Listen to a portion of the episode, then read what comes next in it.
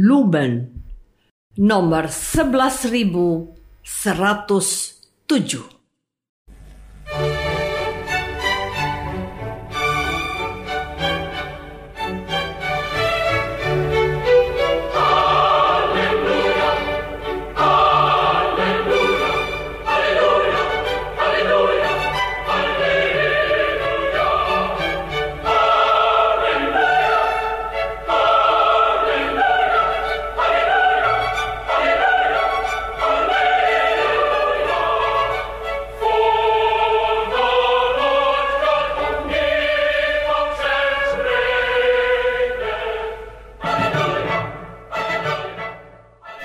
Saudara pendengar di segenap penjuru tanah air, selamat bergabung dengan Lumen Indonesia. Lumen Indonesia siap melayani Anda setiap hari. Saudara terkasih, marilah kita bersatu dalam Tuhan kita Yesus Kristus yang tidak berubah dahulu, sekarang, dan selama-lamanya. Allah Sang Maha Rahim mengasihi dan menerima sebagaimana adanya kita Allah Bapa kita di surga senantiasa bersedia menolong, menghibur, dan meneguhkan kita dalam menghadapi segala permasalahan hidup sehari-hari.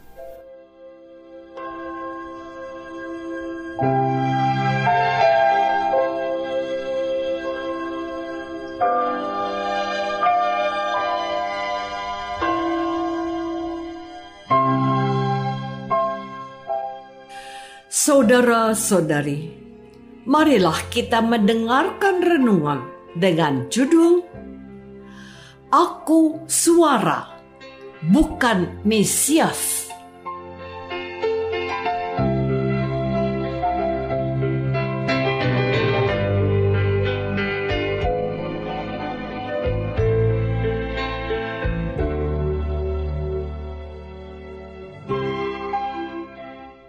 Yang berdasarkan pada Injil Yohanes bab 1 ayat 19a, 20 dan 23. Dan inilah kesaksian Yohanes ketika orang Yahudi dari Yerusalem mengutus beberapa imam dan orang-orang Lewi yang mengaku dan tidak berdusta.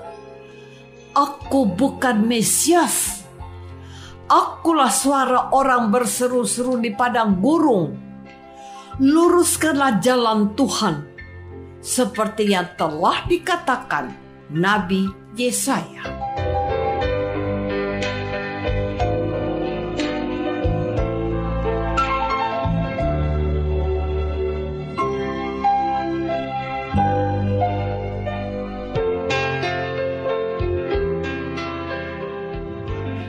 Dalam nama Bapa dan Putra dan Roh Kudus. Amin. Saudara-saudari terkasih dalam nama Tuhan Yesus Kristus. Hari ini kita berjumpa dengan sosok penting, yaitu nabi terakhir. Namanya Yohanes anak Sakaria. Yohanes tampil sempurna layaknya seorang nabi. Banyak orang datang kepadanya. Banyak orang minta dibaptis olehnya di sungai Yordan. Kehadirannya menarik perhatian orang-orang Yahudi. Orang-orang Lewi dan imam diutus untuk menanyakan tentang siapakah dia sesungguhnya sehingga banyak orang mengerumuni dia dan mendengarkan ajarannya. Yohanes tidak mengakui dirinya sebagai Mesias, bukan Elia, ataupun seorang nabi yang diramalkan akan datang. Ia menyebut dirinya sebagai suara yang berseru-seru agar umat Israel mempersiapkan jalan bagi Tuhan. Jawaban itu tidak memuaskan mereka. Lalu mereka bertanya lagi, "Mengapakah engkau membaptis?" Jawabnya, Aku membaptis dengan air, tetapi dia di tengah-tengah kamu berdiri, dia yang tidak kamu kenal, yaitu dia yang datang kemudian daripadaku. Membuka tali kasutnya pun aku tidak layak. Saudara-saudari terkasih, Yohanes sebenarnya bisa memanfaatkan ketenarannya dan daya tarik dan pesonanya untuk memegahkan diri. Dia bisa saja menyombongkan dirinya sebagai orang penting di hadapan orang yang bertanya kepadanya. Bukankah sudah demikian banyak orang yang terpesona padanya dan mengikuti dia? Namun, Yohanes menyadari dirinya bukan siapa-siapa. Dia hanyalah suara yang berseru-seru di padang gurun. Tugasnya hanyalah mengingatkan, menyadarkan, dan menggugah hati para pendengarnya bahwa inilah saatnya bagi mereka untuk bertobat dan berpaling kepada Allah. Yohanes itu suara, tetapi dia yang ada di tengah-tengah kamu adalah sabda dari Allah. Dan dialah yang harus didengarkan, bukan dirinya. Yohanes merasa diri tidak pantas untuk disanjung dan dipuja. Ia menyadari bahwa dirinya tidak lebih dari seorang hamba yang membuka tali kasut majikannya saja ia merasa tidak pantas. Saudara-saudari terkasih, saat ini kita sedang berada dalam oktav Natal. Pusat perhatian kita masih diarahkan pada misteri kelahiran Yesus, Immanuel, Allah beserta kita. Yesus itulah Sang Mesias, sekalipun dia dilahirkan lebih kemudian dari Yohanes, tetapi dia adalah Allah, sebab dia telah ada sebelum aku, katanya pula.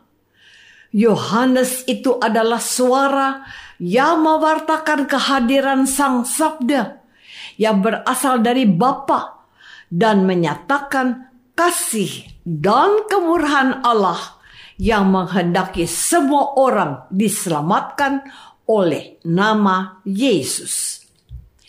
Yohanes dengan tegas menyatakan bahwa dia bukan Mesias, bukan Elia, dan bukan seorang nabi yang dinanti-nantikan. Dia dengan segala kerendahan hatinya tampil beda dan sederhana dalam kejujuran berkata, "Dia adalah suara saja." Bagi Yohanes, yang terpenting adalah Yesus harus semakin dikenal. Watak seorang pewarta sabda yang sangat dapat kita temukan dalam diri Yohanes Pembaptis prinsip hidupnya jelas. Katanya, Yesus harus semakin besar dan aku harus semakin kecil. Yesus harus semakin dilihat dan dikenal, sedangkan dirinya sudah saatnya mengundurkan diri. Inilah contoh baik yang ditinggalkan Yohanes kepada setiap orang yang terpanggil untuk menjadi pewarta firman Tuhan. Yang penting, Yesus, bukan aku. Jelas? Saudara-saudari terkasih, dalam ilmu homiletika, ilmu tentang khotbah atau homili ada yang disebut dengan kristosentris. Kristosentris artinya berpusat kepada Kristus.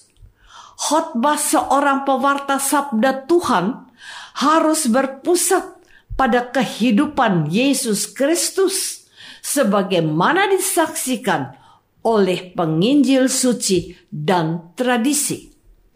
Banyak orang terpesona dengan khotbah dari seorang hamba Tuhan, baik secara langsung melalui media online atau media elektronik lainnya. Khotbahnya bagus, mengharukan, dan contoh-contohnya sangat lucu dan menyegarkan.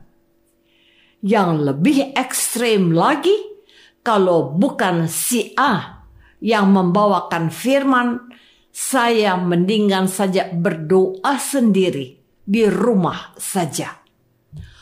Orang itu menjadi idola bagi banyak orang.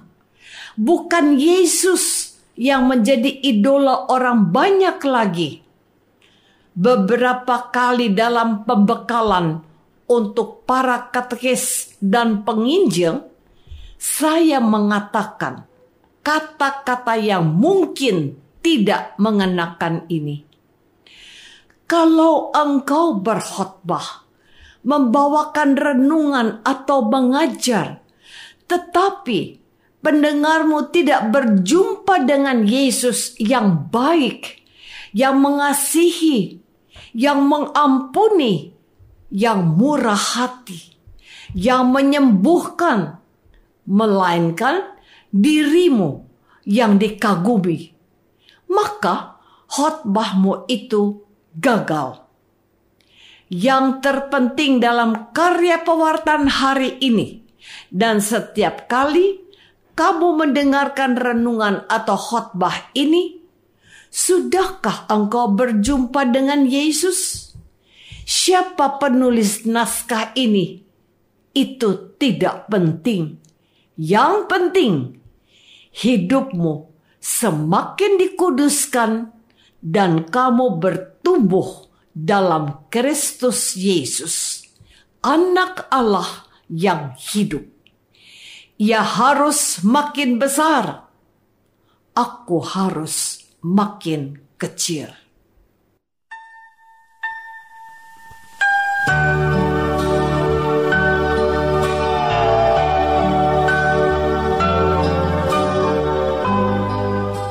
Saudara terkasih, marilah kita masuk dalam saat hening sejenak untuk meresapkan renungan yang baru saja kita dengar bersama dalam kehidupan iman kita masing-masing.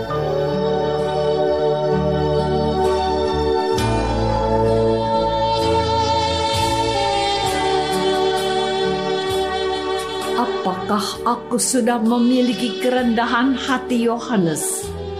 untuk memuliakan nama Yesus. Marilah kita berdoa. Bapa yang Maha Baik, hari ini kami dididik oleh Santo Yohanes Pembaptis untuk lebih mengutamakan kepentingan Allah daripada kepentingan pribadi kami. Berilah kami semangat rendah hati seperti Yohanes demi Kristus Tuhan penyelamat kami. Amin. Semoga kita semua selalu dinaungi dan dibimbing oleh berkat Allah yang Maha Kuasa, Bapa dan Putra dan Roh Kudus. Amin.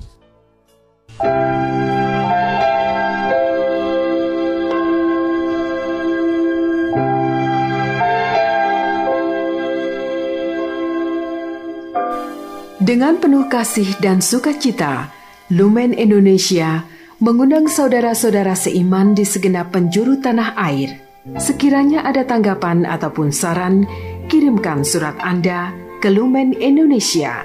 Terima kasih atas perhatian Anda. Sampai berjumpa lagi dengan Lumen Indonesia pada waktu dan gelombang yang sama esok hari.